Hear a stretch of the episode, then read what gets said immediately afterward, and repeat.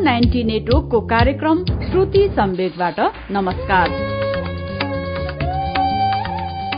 उज्यालो ninety नेटवर्कमा हरेक मंगलबार र शुक्रबार राति सवा नौ बजे कार्यक्रम श्रुति सम्वेक प्रसारण हुन्छ।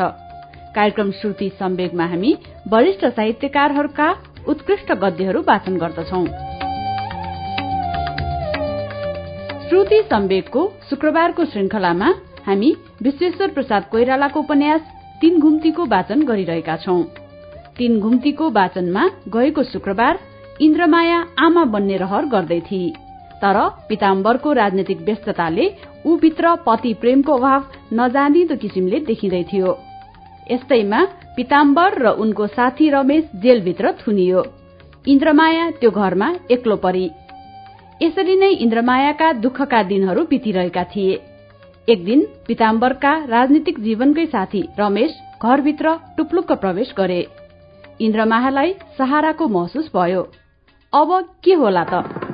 तीन घुम्तीको तेस्रो श्रृंखलाको वाचन सुनौ अच्युत घिमिरेबाट।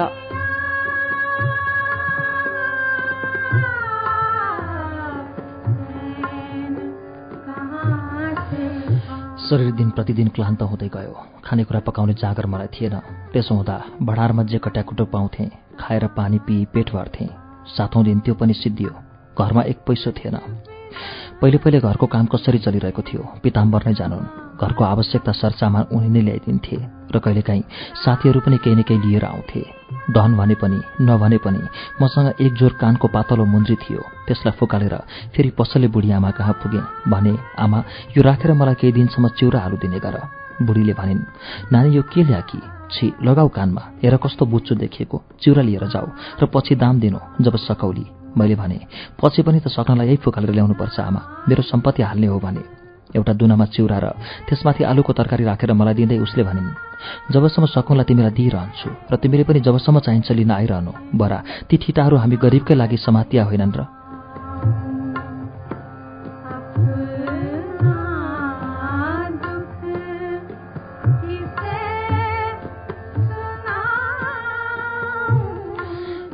दिनसम्म संयमले थामेको भावको बेग मुटुमा उर्लिन लाग्यो। बुढीको समवेदनाका शब्द सुनेर।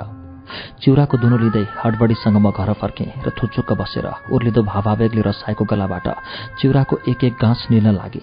बुढीको शरीरताले मलाई फेरि एक्लो भएको बोध भयो। लाग्यो मेरा अब कोही रहेनन्।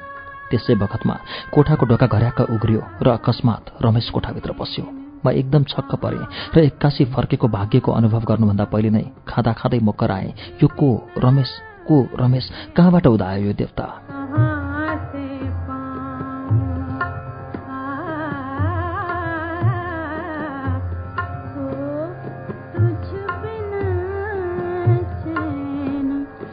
देवता त्यो प्रत्याशित प्राप्तिका लागि मेरो उद्गार थियो। अकस्मात मुखबाट निस्केको। कुनै चिन्तनको प्रक्रियाको परिणाम थिएन। त्यो झ्वाट निस्केको शब्द। तर पछि रमेशले यही एउटा शब्दलाई टिपेर मेरो जिब्रो समाउने प्रयत्न गरिरह्यो। मानव मेरो यही एक शब्दले मैले बाचा हारेँ। मानव जवानबन्दी नै भयो मेरो।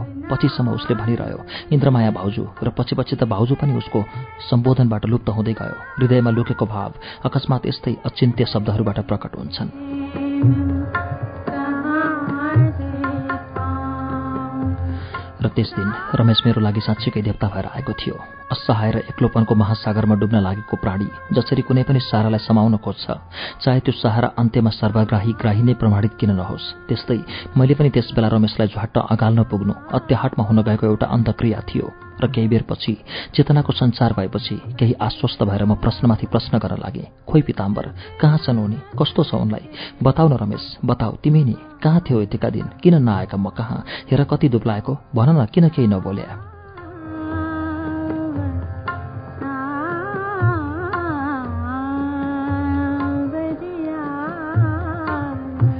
त्यसबेला जतिसुकै अव्यवस्थित थियो त्यो घर भएको भए पनि रमेशको उपस्थितिले एकदम प्राणवान भयो।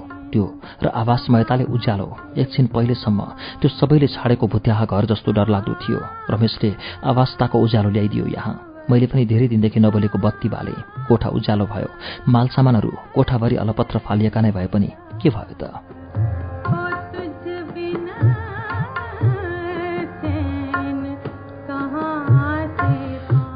रमेशका कुरा सुनिरहे। उसले बतायो पिताम्बरलाई दरबारको गारतमै थुनेको छ अरे नेल हतगडी पहिराइदिएको छ तर अरू शारीरिक यातना भने दिएको छैन र सायद अब दिने पनि छैनन्। केही दिनमा नेल र हतगडी पनि काटिदेलान् र पुलिसको माताहतमा निजामती जालखाना पुर्याउलान्।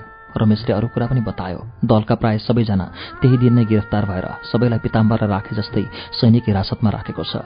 रमेश पनि त्यही दिन गिरफ्तार भएको थियो। धमाधम सबैको बयान लिँदैछन् र बयान सिद्धिएपछि कसलाई के गर्ने भन्ने निर्णय हुन्छ क्यार? मलाई त बयान लिएपछि छोडे र छुट्ने बित्तिकै यहाँ आएको रमेशले भन्यो।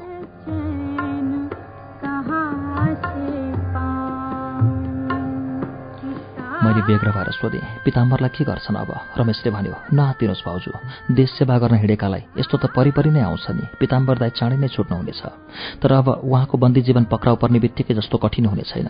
फेरि उहाँका साथमा धेरै साथीहरू पनि छन्। मैले फेरि सोधेँ अरू भन न रमेश पिताम्बर के गर्थे के भन्थे? रमेशले भन्यो भन्ने सुन्ने कुरा कहाँ थियो र त्यहाँ? हो बरु उहाँलाई लुगाफाटो चाहिँ पठाउनुपर्छ। म छुट्न लाग्दा उहाँलाई भेटेर आएको थिएँ। विदा हुन लाग्दा मैले सान्त्वना दिँदै उहाँलाई भनेको छु इन्द्रमाया भाउजूको म बाहिर गएर जिम्मा लिन्छु चिन्ता नलिनुहोला। यस प्रकार त्यो रात बित्यो।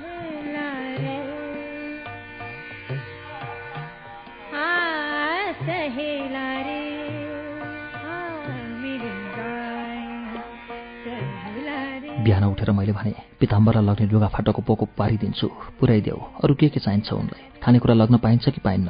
एकछिनपछि लुगाको पोको पार्दा पार्दै मैले ढिपीको स्वरमा भने म पनि जान्छु तिमीसँगै लुगा पुर्याउन है रमेश? छक्क परेर उसले जवाफ दियो कहाँ जाने तपाईँ भाउजू? सिपाहीहरूको हुलमा। म पुऱ्याइदिइहाल्छु नि। बरु आफू लुगासुगा फेरेर सुग्गर हुनुहोस्। केही राम्री भएर त बस्नुहोस्। मैले भने तिमी आएर पो यति जाँगर पनि भयो मलाई र मेरो दुश्चिन्ता गयो। रमेशले भन्यो ल ल म लुगा पुर्याउन जान्छु। फर्केर आउँदा नुहाई धुवाई पर्नु होला नि। के बैरागिनी जस्तै भयो कि बैरागिनी त भयो नि रमेश म। पिताम्बर नै नभएपछि अब मेरो को रह्यो र?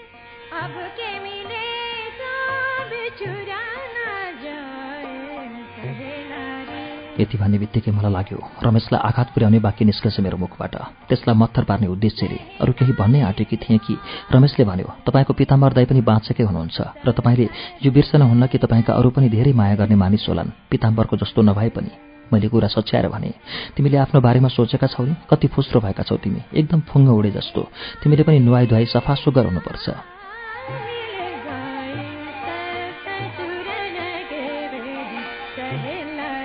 ऊ लुगा पुर्याउन गएपछि उसको लागि मैले खड्कुलोमा नुहाउने पानी तताउन बसाइदिएँ र पिताम्बरको एकजोर महल पोस्ट सुरुवाल फेर्न झिकिदिएँ। नुहाउने कोठामा साबुन र एउटा धोएको तौलिया राखेर दुगुर्दै म बुढी आमाको पसलमा पुगेँ भने लौन आमा मलाई अलिकति चामल दिनु पर्यो र दाल तिउन र तरकारी केही छ भने त्यो पनि। रमेश हिजो छुटेर आए घरमा पकाउने कुरा केही पनि छैन। बुढी आमाको अनुहार प्रसन्नताका चौरीले मुजा पर्यो। उसले भने मैले भनेकै थिएँ नि नानी दुःख नमान खसम छुटेर आउँछन्। मलाई बडो खुसी लाग्यो। मैले हाँसेर भने रमेश मेरा खसम होइनन् देवर हुन्न आमा।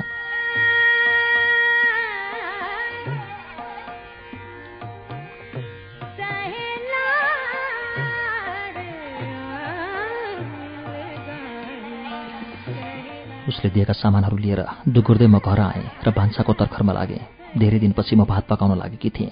पिताम्बरको समाचार पाएर उनको हालखबरसम्म सुनेर मात्र पनि मन ढुक्क भयो। मनमा बार बार आश्वासनको ध्वनि उठ्थ्यो। उनी बाँचेकै छन्। त्यस समय त्यति खबरले पनि मलाई खुसी तुल्याएको थियो। मानौ पिताम्बर त्यसै बिलाएर सिद्धिएका रहेनछन्। चित्त प्रसन्न थियो। एकछिनमा रमेश पनि भान्सा कोठामा आइपुग्यो। एउटा भुवादारी तौलियाको पोको भुइँमा राख्दै भन्यो तपाईँलाई ल्याएको मैले भाउजू।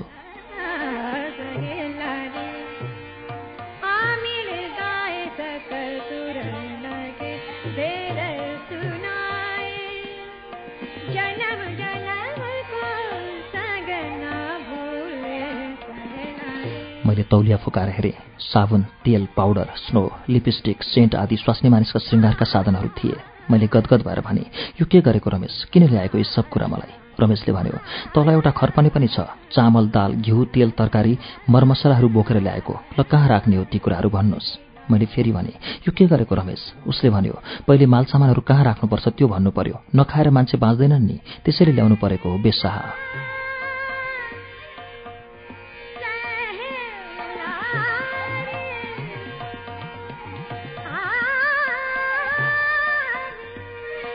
भान्सामा उक्लेर खरो हुन लागेको तरकारीलाई डाडुले बेसरी चलाउँदै चुलोतिर मुख पारेर मैले भने जाउ चाँडै नुहाउ बरु। तातो पानी साबुन लुगा सबै नुहाउने कोठामा छ। यी सरजाम थन्काउने म बन्दोबस्त गर्छु। झट्टै गर जाउ नुहाउन। उसले किन्चित ठट्टा गर्दै भन्यो तातो पानी साबुन धोएका लुगा तौलिया सब मेरा लागि गोसाल खानामा तयार छन्। यो के गरेको नि भाउजू तपाईँले? अघि उसले भनेकै जस्तो गरी मैले पनि जवाफ दिएँ नुहाउँदै ननुहाई फोहोर लुगा लगाएर मात्र कोही बस्न सक्दैन नि।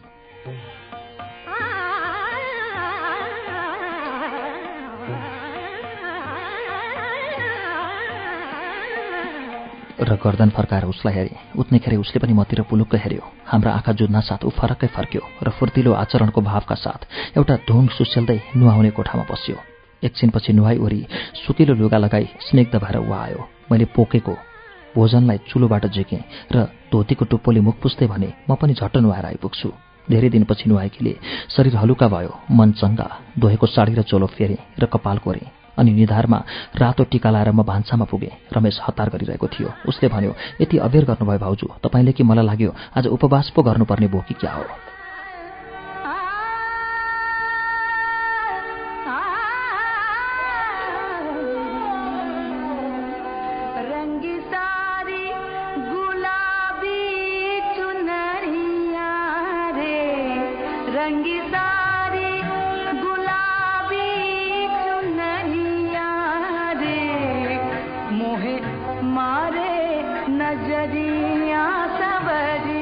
फेरिदेखि मलाई चिने जस्तो गरेर भन्यो वाह कति राम्री। हो यस्तै भएर बस्ने गर्नुहोस् भनेको भाउजू। तपाईँलाई देखेर मन त्यसै खुसी हुन्छ तर पेटको भोक पनि त्यस्तै बढ्छ।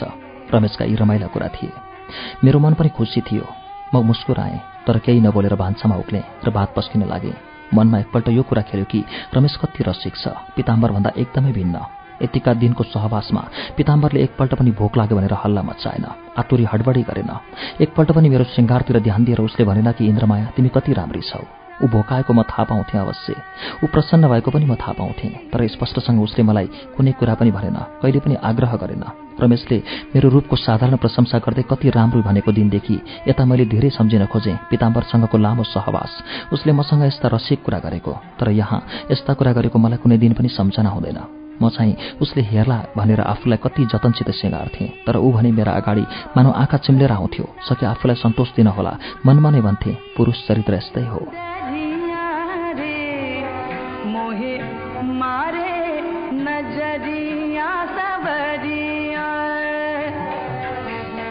तर त्यस दिन मैले एउटा भिन्न पुरुष चरित्र देखेँ रमेशको।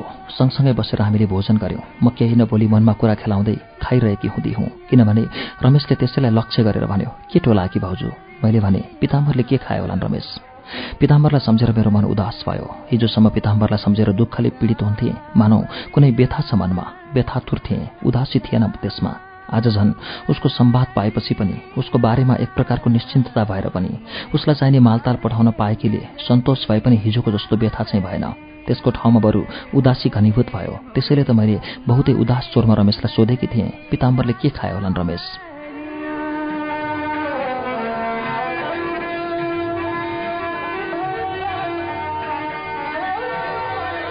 रमेशले वातावरणलाई केही हलुको पार्नलाई भन्यो हामीले पनि त यहाँ कुनै छत्तिस व्यञ्जनको जिउनार गरिरहेका छैनौँ। उसको लक्ष्य थियो बुढी आमा कहाँबाट ल्याएर मैले पकाएको मोटो चामलको भात खोस्टे मासको दाल कालो दाल र रायोको सागपट्टि। मैले किन्चित अप्ठ्यारो मारेँ तर उदासी भने दूर भयो। भोलिदेखि तरकारी र अचारहरू बनाएर पिताम्बरलाई पठाउने गर्छु है रमेशले भन्यो। हुन्छ।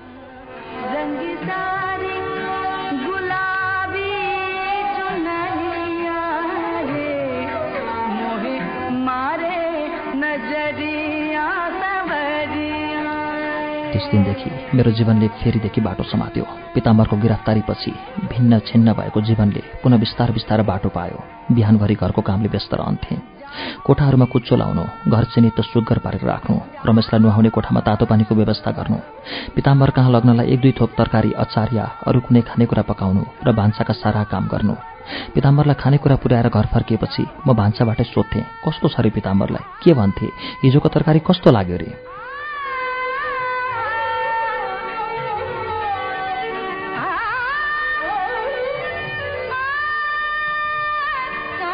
दिउँसो भोजन सिद्धाएपछि धुने लुगा छ भने धारामा गएर लुगा धुन्थे। पिताम्बरको रमेशको र स्वयं आफ्नो समेत गरेर प्राय दिनहुँ केही न केही धुने काम परि नै हाल्थ्यो।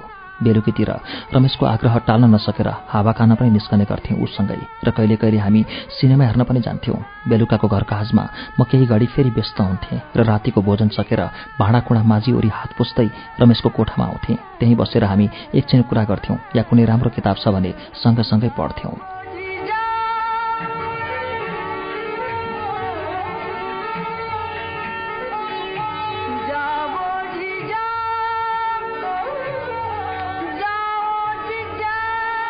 यही घर पिताम्बर हुँदा अर्कै किसिमसँग चलेको थियो।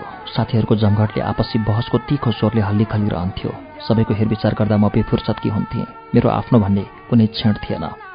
साथीहरू धेरै रात गएपछि मात्र जान्थे र कति रात पनि त्यहीँ बिताउँथे। कहिलेकाहीँ फुर्सद नै पाइएको छ भने पनि पिताम्बर चञ्चल स्वभावको नभएकोले बाहिर जाउँ रमाइलो गरौँ भन्दैनथ्यो तर त्यो जीवनको हडबडमय व्यस्तता या पिताम्बरसँगका शान्त प्रणय सम्बन्धमा मलाई आन्तरिक तृप्ति भएको सुखको अनुभव थियो।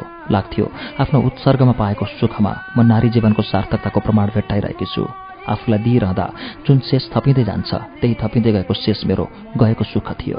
आज त्यही घर अर्कै किसिमबाट चलिरहेको छ। कोलाहालको ठाउँमा आज दुई व्यक्तिले मात्र आफ्नो सहवासबाट बनाएको गहन निस्तब्धता छ त्यहाँ। छन त अहिले पनि मलाई फुर्सद छैन। केही न केही काममा व्यस्त नै रहन्छु तर अचेरको व्यस्तता मसिनो किसिमको छ। एक दुई व्यक्तिका सानातिना कामको ध्यानपूर्वक सम्पादन गर्दा हुने व्यस्तता। रमेश त्यस्तो शान्त प्रकृतिको थिएन कि मलाई निर व्यस्ततामा छाडेर आफू पनि कुनै एकान्त चिन्तनमा दिन काटिरहोस्। केही न केही योजना प्लान उसको मनमा आइरहन्थ्यो। कहिले भन्थ्यो सिनेमा जाउँ। कहिले भन्थ्यो जाउँ भाउजू पिकनिक। कहिलेकाहीँ त्यसै नयाँ सडकमा घुम्न जाउँ रे अथवा जाउँ हावा खान टुँडी खेल। भान्सामा आएन पनि के पकाएको छ के छैन हेरेर जान्थ्यो र मलाई सबभन्दा मनपर्ने उसको कुरा के लाग्थ्यो भने ऊ बाहिरबाट जहिले आउँदा पनि मेरा लागि केही न केही अवश्य लिएर आउँथ्यो। केही नभए एक ठुङ्गा फुल नै भए पनि सम्झेर ल्याउने गर्थ्यो।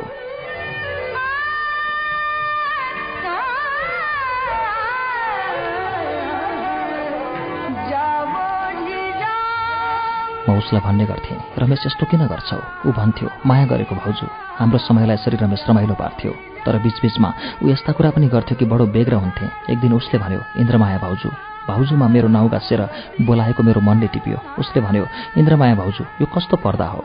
उसको भनाइमा जुन सङ्केत थियो त्यसको लक्षण थाहा हुँदाहुँदै पनि आफ्नो बेग्रता नदेखियोस् भन्नका लागि मैले सहज स्वरमा भन्ने कोसिस गरेँ। के भनेको पर्दाको कुरा रमेश? रमेश रमेशले पनि भन्न त पहिलीमा भन्यो तर आफ्नो आशय पनि छर्लङ्ग पार्यो।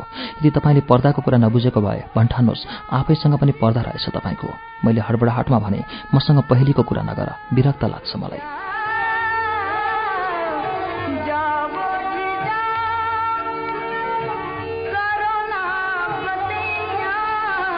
रमेश एकछिन नबोलेर बसिरह्यो तर उसको आकृतिमा कठोरता आएको देख्दा मलाई लाग्यो केही कुरालाई बडो बलपूर्वक उसले भित्र दबाएर राख्न खोज्दा उसका नसाहरू तन्किएका छन् र अनुहार रातो हुँदै गएको छ। मलाई असाध्य अप्ठ्यारो लाग्यो वातावरण एकदम भारी भयो के गरौँ के नगरौँ जस्तो भएर। यो अप्ठ्यारो स्थितिबाट उम्किने सहारा भेट्टाइन्छ कि भनेर अकस्मात काम सम्झे जस्तो गरी उठ्दा उठ्दै भने जा भरेला तरकारी खेलाउन त भुसुकै बिर्से कि।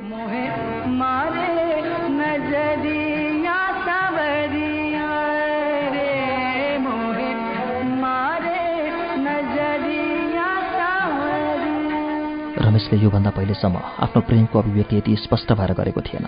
त्यस दिन पनि एकदम स्पष्टसँग शब्द नै उछ्याएर केही भनेर उसले पर्दामा नै लुकाएर राख्यो आफ्नो भावलाई। तर त्यो आवरण कति पातलो झलझली देखिने सबै गोपनीयताभित्रको। र त्यही दिन बोल्दा बोल्दै तपाईँबाट तिमी र भाउजूबाट इन्द्रमायाको घनिष्ठतामा मलाई उसले बाँध्न पुग्यो।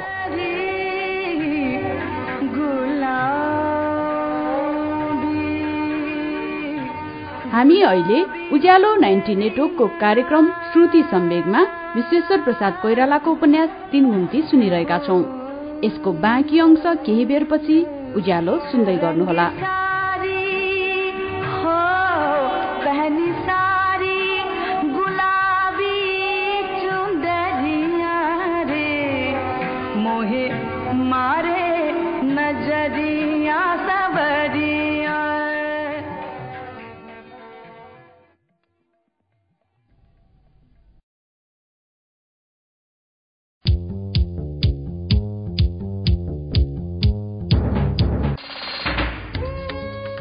कार्यक्रम श्रुति सम्वेक तपाईँ अहिले उज्यालो नाइन्टी नेटवर्क काठमाडौँ सँगसँगै इलाम एफएम झापाको एफएम मेची ट्युन्स महोत्तरीको रेडियो दर्पण वीरगंजको नारायणी एफएम हेटौँडा एफएम चितवनको रेडियो त्रिवेणी र रेडियो चितवन तनहुको मादिसेती एफएम र पोखराको रेडियो तरंगबाट सुनिरहनु भएको छ। यस्तै दाङको रेडियो मध्यपश्चिम रेडियो प्युठान सल्यानको रेडियो राप्ती फलेवासमा अवस्थित रेडियो पर्वत सुर्खेतको रेडियो भेरी र जुम्लाको रेडियो कर्णालीबाट पनि कार्यक्रम श्रुति सम्वेक प्रसारण भइरहेको छ। अब विश्वेश्वर प्रसाद कोइरालाको उपन्यास तीन घुम्तीको बाँकी अंश। आज यतिका वर्षपछि सम्झेर ल्याउँदा इन्द्रमायालाई लाग्छ कि त्यस दिन उसलाई अत्याहट हुनुको कारण केवल सत्यको अनावृत रूपको दर्शन हुनु नै थियो। दैनिक व्यस्तता र नयाँ जीवनको आनन्द तथा निश्चिन्तता मुनतिर एउटा त्यस्तो सत्य लुकेर थियो। जसका बारे चिन्ताको उसले पाउन लागेको आनन्द कार्यरतताभित्रै त्यो सत्य सदा सर्वदा लुकेरै बसिरहला भन्ने सोचेकी थिए। एक दुई पटक रमेशले पर्दा हटाएर त्यसलाई प्रकट गर्ने कोसिस गर्दा इन्द्रमाया हाँसेर कुराको सिलसिला अर्कैतिर डोराउँदै लाग्थे। तर त्यस दिन भने रमेश मानव कुनै किसिमको छल मान्न तयार थिएन। यस्तो लाग्थ्यो मानव भन्नै आँटेको थियो इन्द्रमाया धोका छल र वञ्चनाले कति दिन जिउन चाहन्छौ? म आज मान्दिन यी छलनाका चेष्टाहरू र आज भनेरै छाड्छु कि म तिमीलाई प्रेम गर्छु।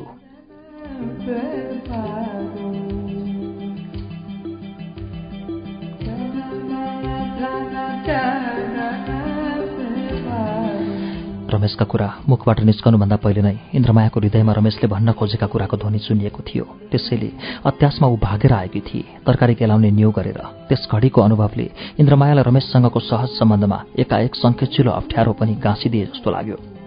एक दिनको कुरा मैले बडो तन्मयतासँग धेरै बेर लगाएर पिताम्बरका लागि खानेकुराहरू तयार पारे। उनकहाँ पठाउन नयाँ लुगाहरू झिकेँ र सधैँको जस्तो तर केही अप्ठ्यारो मान्दै रमेशको कोठामा गएर भने पिताम्बर कहाँ लैजाने कुराहरू ठिक पारेकी छु? रमेशले भारी गलाले केही झर्किए जस्तो गरी भन्यो लग्दिन मालमत्ता म कसै कहाँ बोकेर? साधारण अवस्थामा म भागेर फर्किन्थेँ तर रमेशको त्यस्तो आचरण देखेर म थामिएँ। मैले भने यो कस्तो अत्याचार? पिताम्बर अब के बोकेर नाङ्गै बस्ने भए? उसले भन्यो जहिले पनि पिताम्बर पिताम्बर मानव दुनियाँमा अरू कोही छँदै छैन। र फेरि एकैचोटि रन्केर भन्यो इन्द्रमाया तिमीले यसरी विधवाको जस्तो व्यवहार गरेको म सहन सक्दिनँ। म तिमीलाई माया गर्छु बुझ्यौ? मैले पनि केही दृढतासँग जवाफ दिएँ। के एउटी नक्कली नारी छ भनेर बलात्कारमा उद्यत भएकी छौ तिमी? हो रमेश?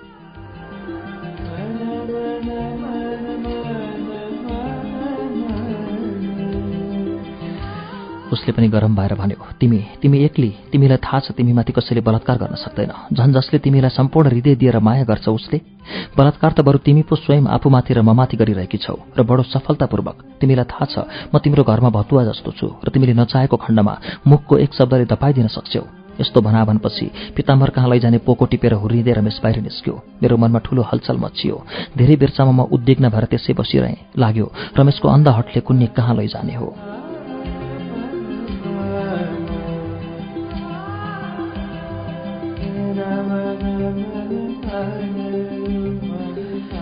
एकछिनपछि उठेर म घरको कामकाजमा लागेँ। भात पकाउँदा बार बार पिताम्बरको सम्झना भइरह्यो। मलाई लाग्यो कि पिताम्बरलाई च्यालखानामा मैले यहाँबाट गर्न सक्ने सेवा पूरा गर्न सकेकी छैन।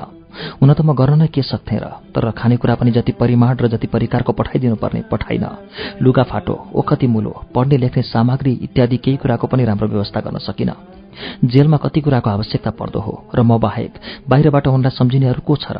भोलि उनलाई पठाउने भोजनमा परिवर्तन गर्नु पर्यो भन्ने सोचे। अचेल एकनासको तरकारी जाने गरेको छ। सोचे गुलियो कुरो पनि बनाएर पठाउनु पर्यो। एक जोर जुत्ता किनेर ल्याउँछु र एक दुई जोर मोजा पनि र आजै कागटीको एक जोर महल पोस्ट सुरुवाल चिउन दिन्छु। यस प्रकार सोच्दै आफूलाई धिक्क्यार्दै गरेपछि केही सान्त्वना पाएँ। रमेश फर्केर आइपुग्दा म पूर्ण आश्वस्त भइसकेकी थिएँ।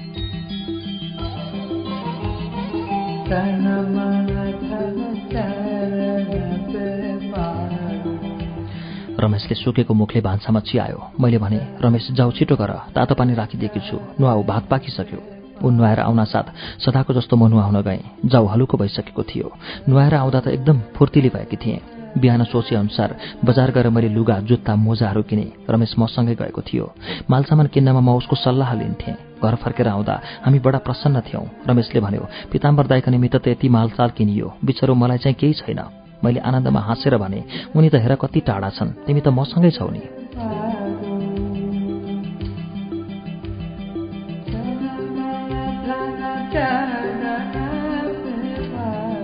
रमेश खुसीले उज्यालो भयो। बाटोमा उभिएर उसले एक गुच्छा फूल किनेर मलाई दियो। मैले भने कति रमाइलो छ अघि। उसले भन्यो रमाइलो त छ तर मैले कुरा काट्दै भने तर सर नभन तिमीले कता लैजान आँटेका छौ कुन्नी मलाई र आफूलाई पनि? उसले भन्यो तिमी आफ्नो हटले कुबाटोमा हिँड्न खोजेकी छौ त्यसबाट झिक्छु म तिमीलाई। आफ्ना उप अन्याय गरेर हिँडेको बाटो कुबाटो नै हो इन्द्रमाया। यस्ता कुरामा मेरो रमाइलो हटेको थिएन। बरु झन् बढ्दा आनन्दित हुँदै थिए। उसले भन्यो हेर इन्द्रमाया तिमी आफ्नो अस्वाभाविक आचरणले हाम्रा सम्बन्धको मधुरतालाई तितो बनाउँछौ। वातावरण त्यसै सहज हुन दिन्नौ।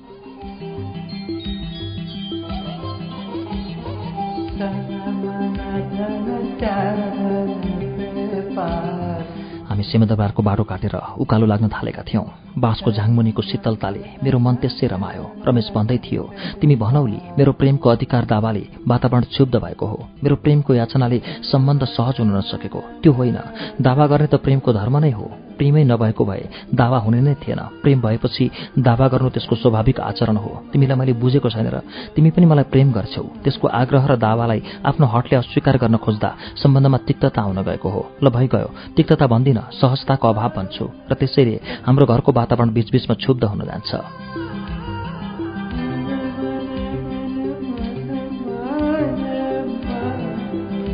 एकछिनपछि रमेशलाई लागेछ क्यार ऊ एकनाथसँग धेरै बेरसम्म बोलिरहेको छ र म भने केही नबोलेर हिँडिरहेको छु। उसले थामिएर भन्यो किन केही नबोले कि इन्द्रमाया? मैले भने रमेश मलाई बडो रमाइलो लागेको छ यावत कुराले। आज बजारमा किनेका सामानहरूले तिमीले मलाई दिएका फूलका गुच्छाले तिम्रो कुराले र बाँसको छारीसम्मले पनि रमाइलै रमाइलो भएको छ आज।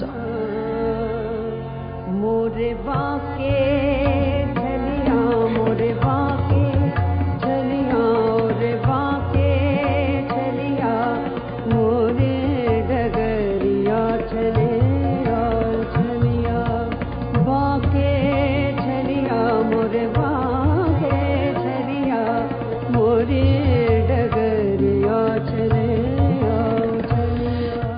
आफ्नो जीवनमा सबभन्दा ठूलो अनुभव प्रेमको नै पाएकी थिए। तर आज त्यो अनुभवको आधारमा पनि यो भन्न सक्दिन कि प्रेमको मूल तत्त्व के हो? आत्मा कि शरीर?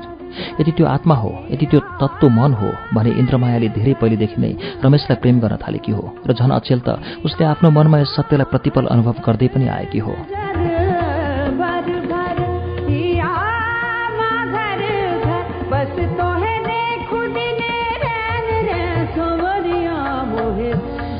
उसलाई आफ्नो मनको एकान्तमा स्वीकार गर्न सङ्कोच हुँदैन थियो। कि ऊ पनि रमेशलाई त्यस्तै खालको प्रेम गर्छे जस्तो रमेश उसलाई गर्थ्यो। उसले केवल आफ्नो शरीरको मांस प्राचीर खडा गरेर राखेकी थिए। रमेशको र आफ्नो माझमा समय समयमा उनीहरूका बीच भइरहने बनावन्तै मांस प्राचीरको छेकबारले समागमको सुगमतामा बाधा पुर्याएको हुँदा हुन्थ्यो। जब आस्थाको आत्मा नै मृत भइसकेको थियो भने शरीरले मात्र आफ्नो आस्थालाई यसरी टेवा दिइराख्नु कि एउटा वञ्चना होइन? केवल एउटा आडम्बर होइन र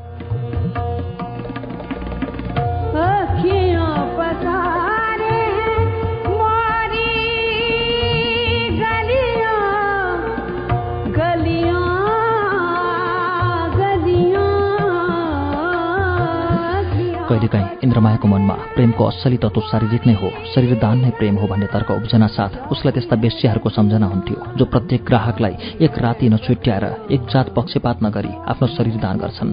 त्यस्ता बेस्यहरूको र तिनीहरूका ग्राहकहरूका बीचको सम्बन्धलाई प्रेम सम्बन्ध कदापि भन्न सकिन्न।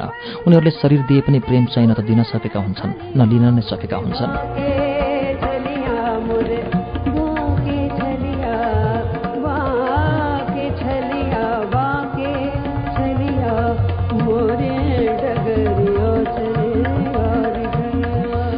सोच्दछे बिचरा पिताम्बर। म केवल यसकारणले पिताम्बरसँग वफादार छु भनी भन्छु कि मैले शरीरदान गर्नबाट मात्र आफूलाई बचाएर राखेकी छु हुनसक्छ कि पिताम्बर आएका दिनमा पूर्ण रूपले अरूद्वारा विजित भइसकेकी भएर पनि।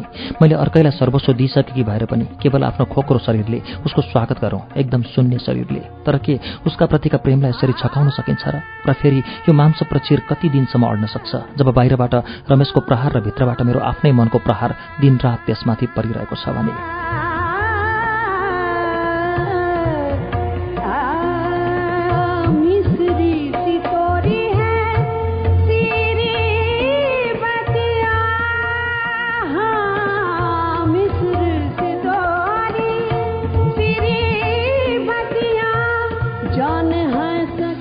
केवल मृत्युले त्यसलाई चारैतिरबाट घेरिराखेको मात्र हुँदैन कि रोग व्याधिले बार बार त्यसलाई आक्रान्त पार्छ। भोक प्यासले र आफ्नै इच्छा र कामनाले जर्जर। अनि कहाँबाट रहन्थ्यो त्यसमा? त्यति शक्ति कि त्यो बाहिरको प्रेमीको प्रणय दावा र भित्रको हृदयको झन बलियो प्रेमको दावा यी दुवैलाई सँगसँगै सहेर जीवनलाई संयमताका साथ लैजान सकोस्।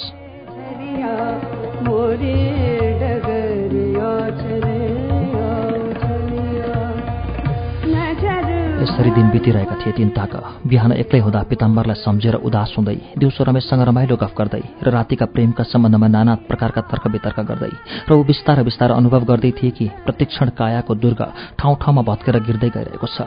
एक रात रमेशको बेग र आग्रह बडो बलपूर्वक टालेर ऊ आफ्नो कोठामा आएर लेटेकी थिए। उसको सास त्यसै चड्का भइरहेको थियो र मुटु ढुकढुक आँखामा पटक्क निद्रा थिएन। आज उसलाई लाग्यो कि सानो सन्तोषको सुख पनि पाइन। रमेशलाई बलपूर्वक पन्छाउँदा केवल पाई ताप र पीडा। que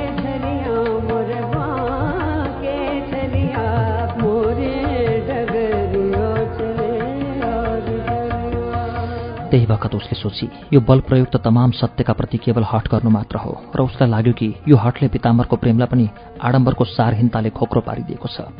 यस्तै विचारलाई उसले आफ्नो द्वितीय निर्णयको संज्ञा दिएकी हो। जब उसले अन्त्यमा भनेकी थिए अब म हट गर्दिन। यस प्रकार उसले आफ्नो शरीरको बाधा फुकाइदिएकी थिए यस प्रकार निर्वाध सम्बन्धमा इन्द्रमाया र रमेश बाँधिए त्यो रात।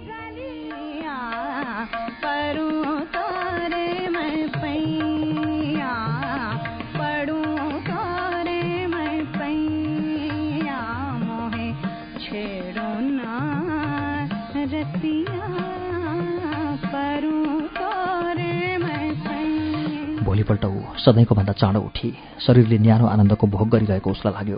जिउ हलुका भएको थियो। मानव कुनै ठूलो बोझा मिल्काएर ऊ रातभरि कतै बिसाइरहेकी थिए ऊ ओछ्यानमा उठेर बसिरहेरी मस्त निद्रामा रमेशको शिर तकियामा सुतिरहेको थियो र हलुका सासले उसको शरीर सुस्तरी फुल्ने र बस्ने गर्दै थियो।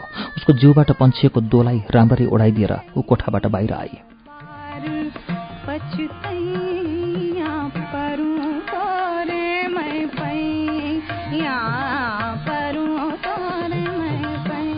उसको निद्रा धेरै नै चाँडो टुटेछ तर शरीरले पुरा विश्राम पाइसकेको थियो। प्रसन्न भएर धेरै नै चाँडो टुटेछ तर शरीरले पुरा विश्राम पाएको थियो। प्रसन्न भएर उसले पूर्वपट्टिको झ्याल उगारी उषाको फिक्का लाली आकाशमा पोतिन लागेको थियो। तल बारीमा उसको दृष्टि पर्यो। बारीका घाँस पात र बोट बिरुवाहरू शीतले भिजेका थिए। बारीको पल्लापट्टि पर्खालको फाटकमा आँखा पुग्यो। उसलाई सम्झना भयो कुन्नी कति दिन पहिले हो? एक दिन एक साँझ त्यही फाटक उगारेर ऊ यस घरभित्र पसेकी थिए को थियो त्यस घडीमा। बारीमा उभिएको चकित दृष्टिले इन्द्रमाया तिर हेरेको पिताम्बर। पिताम्बरलाई सम्झिना साथ इन्द्रमाया उदास भई अहिले के गरिरहेको होला पिताम्बर जेलमा? आजको रात उसले के गरी बितायो होला? यो उसैको घर हो म उसैकी पत्नी।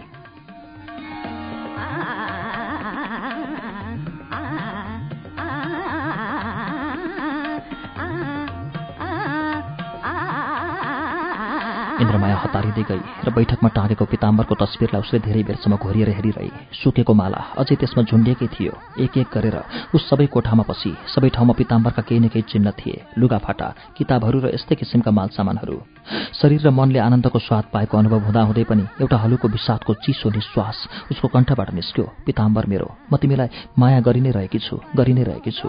त्यसपछि धोती बोकेर ऊ बागमती नुहाउन हिँडी। उसलाई त्यस दिन पशुपति दर्शनको पनि कामना भयो। त्यस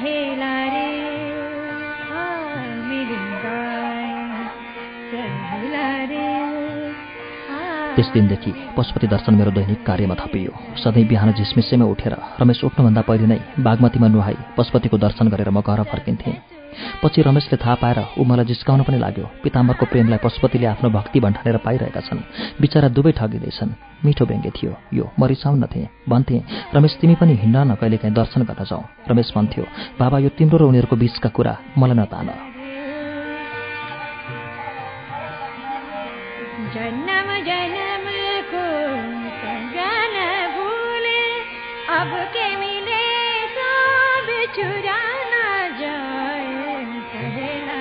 हुन पनि त्यस्तै थियो। प्रतिदिन बिहानको मेरो पशुपति यात्रा मेरो र उनीहरूका बीचको एकदम निजी कुरा थियो। बिहान रमाइलो मानेर उठ्थेँ। लाग्थ्यो जीवन सार्थक हुँदैछ। शरीर पुलकित हुन्थ्यो तर कोठाबाट बाहिर आउने बित्तिकै तत्कालै बानी परे जस्तो पिताम्बरलाई झलझली सम्झन्थे विषादको पातलो बादलले आनन्दमग्न हृदयलाई छुन्थ्यो। उदास हुन्थे। मानव बानी परेको जस्तो सधैँ सधैँ।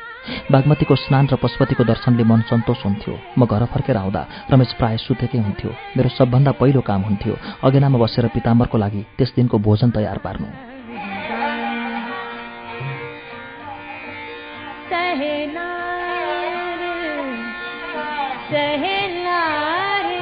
अत्यन्त तन्मयताका साथ म त्यो काम गर्थेँ। एकदम भक्तिपूर्ण तन्मयताका साथ। पशुपति दर्शनबाट ल्याएको मनको तन्मयता र भक्ति मात्र त्यस बेलासम्म हरियो नै रहन्थ्यो। म पिताम्बरलाई नित्य नयाँ नयाँ भोजन पकाउँथेँ। आफूहरूलाई नभए पनि उसका लागि मिठा मिठा कुराहरू पाक्थेँ। खानेकुरा बाहेक अरू पनि केही न केही सामान उसलाई प्राय सधैँ जसो पठाउने गरेर लागे। जबसम्म रमेश ती सामानहरूलाई पिताम्बर कहाँ पुर्याएर फर्कन्न थियो म पिताम्बरकै बारेमा सोचिरहन्थेँ। फर्कने बित्तिकै रमेश नुहाउन जान्थ्यो। तबसम्म हाम्रो भोजन पनि तयार भइसकेको हुन्थ्यो।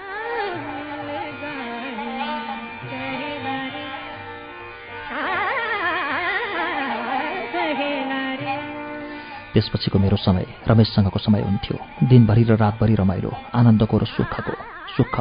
प्रत्येक बिहान बितेका दिनको सुखलाई उदासीले चुक्ता गर्थे र जति जति बढी सुखमा पाउँथे उति उति विषादको बढी मूल्य तिर्नु पर्थ्यो। यसरी प्रत्येक दिन मेरो लागि नयाँ दिन हुन्थ्यो। मानव जीवनलाई त्यस दिन फेरिदेखि प्रारम्भ गर्न लागेकी छु।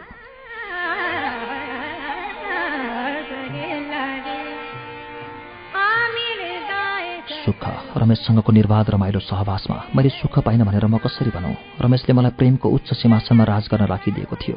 ऊ आफू भने एउटा अकिञ्चन याचक प्रेमी। मेरो प्रेमको उदारताले ऊ जे जति पाउँथ्यो त्यसको बदलामा आफ्नो कृतज्ञ प्रेमले ऊ मलाई मनज्ञ पुग्ने गरी तिर्थ्यो यस्तो लाग्थ्यो मानव प्रतिपल ऊ मलाई पकाइरहेको छ। प्रतिपल मानव मलाई नयाँ नयाँ गरेर जितिरहेको छ।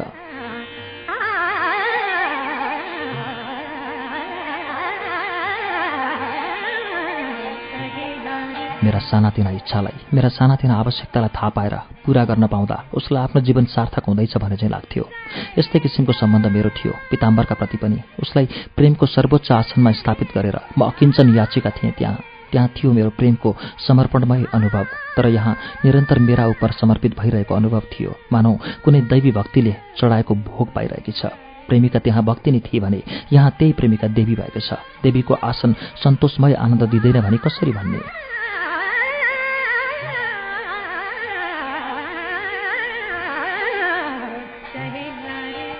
तर यो सन्तोष र आनन्दलाई किन मैले भोलिपल्टै बिहान तिर्नु परेको नि? पाइ पाइ चुक्ति गरेर किन तिनताको मेरो सुखले बिहान विषादको रूप लिन्थ्यो? र किन पशुपतिनाथको दर्शन गर्न लाग्थ्यो कि मेरो पाप मोचन हुँदैछ? कि यस कारणले त होइन कि मेरो आस्थाको अवज्ञा हुँदा आफू खण्डित भएको मैले जुन आफ्नो अन्तरात्मामा अनुभव गरेँ जुन चोट मैले आफ्नो अवचेतनमा दिएँ सायद त्यसैको पाप तापले आफ्नो सुखको मूल चुक्ति गर्नु परेको त होइन? के मानव जीवनको सुखमा पनि फुलमा किरा लुकेर बसे जस्तै पापबोध लुकेर बस्दो रहेछ? रमेशसँग सुखानुभूति नभएको भए के म पापानुभूतिको दर्शन पाउने थिइनँ?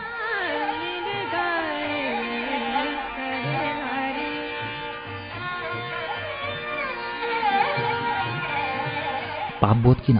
के शरीरदान भयो भनेर? तर के शरीरदान दिनुभन्दा पहिलो अरू यावत कुरा मैले रमेशलाई दिइसकेकी थिइनँ र केवल शरीर दिइन भन्दैमा आफूलाई चोखी भनेर किन सम्झिनु? यस्ता कुरा सोच्दा सोच्दै इन्द्रमायालाई लाग्थ्यो कि प्रेममा काया कायादान पनि अनिवार्य तह निहित छ। ईश्वर भक्तिले पनि यदि प्रेमको भावना लिन्छ भने भक्तको शरीर पनि ईश्वरमा अर्पित भइसकेको हुन्छ। यदि ईश्वरबाट त्यो ग्रहण हुँदैन भने या त ईश्वर र मानवका बीच समागमको असम्भवताले या स्वयं ईश्वरको अनिच्छाले त्यो सहभोग हुन नसकेको हो भक्तको अनिच्छाले होइन।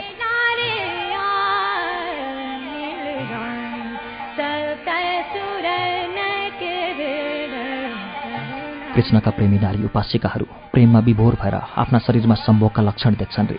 शरीरको अस्तित्व नभई प्रेम हुँदैन। त्यसो भए किन दिन प्रतिदिन सुचिताको सन्धान पशुपतिमा? किन पापमोचनको त्यत्रो कामना? किन बिहानभरिको विषाद? किन पिताम्बरको प्रेमलाई सधैँ हृदयमा माझेर टल्किरहेको पारिराख्ने यत्रो प्रयोजन? किन? किन?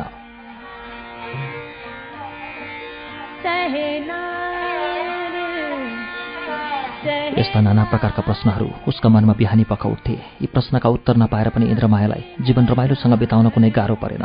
अचेल भने इन्द्रमायालाई लाग्छ जीवनका प्रश्नहरूको उत्तर नै छैन। सुख र विषाद यी दुवै अनुभूति सँगसँगै मुटुमा निवास गर्न सक्दा रहेछन्। यी दुवैको आपसमा त्यत्रो वैषम्य रहेनछ कि हृदयमा एउटाले अर्कोलाई निर्मूल पारेर मात्र बस्नु परोस्।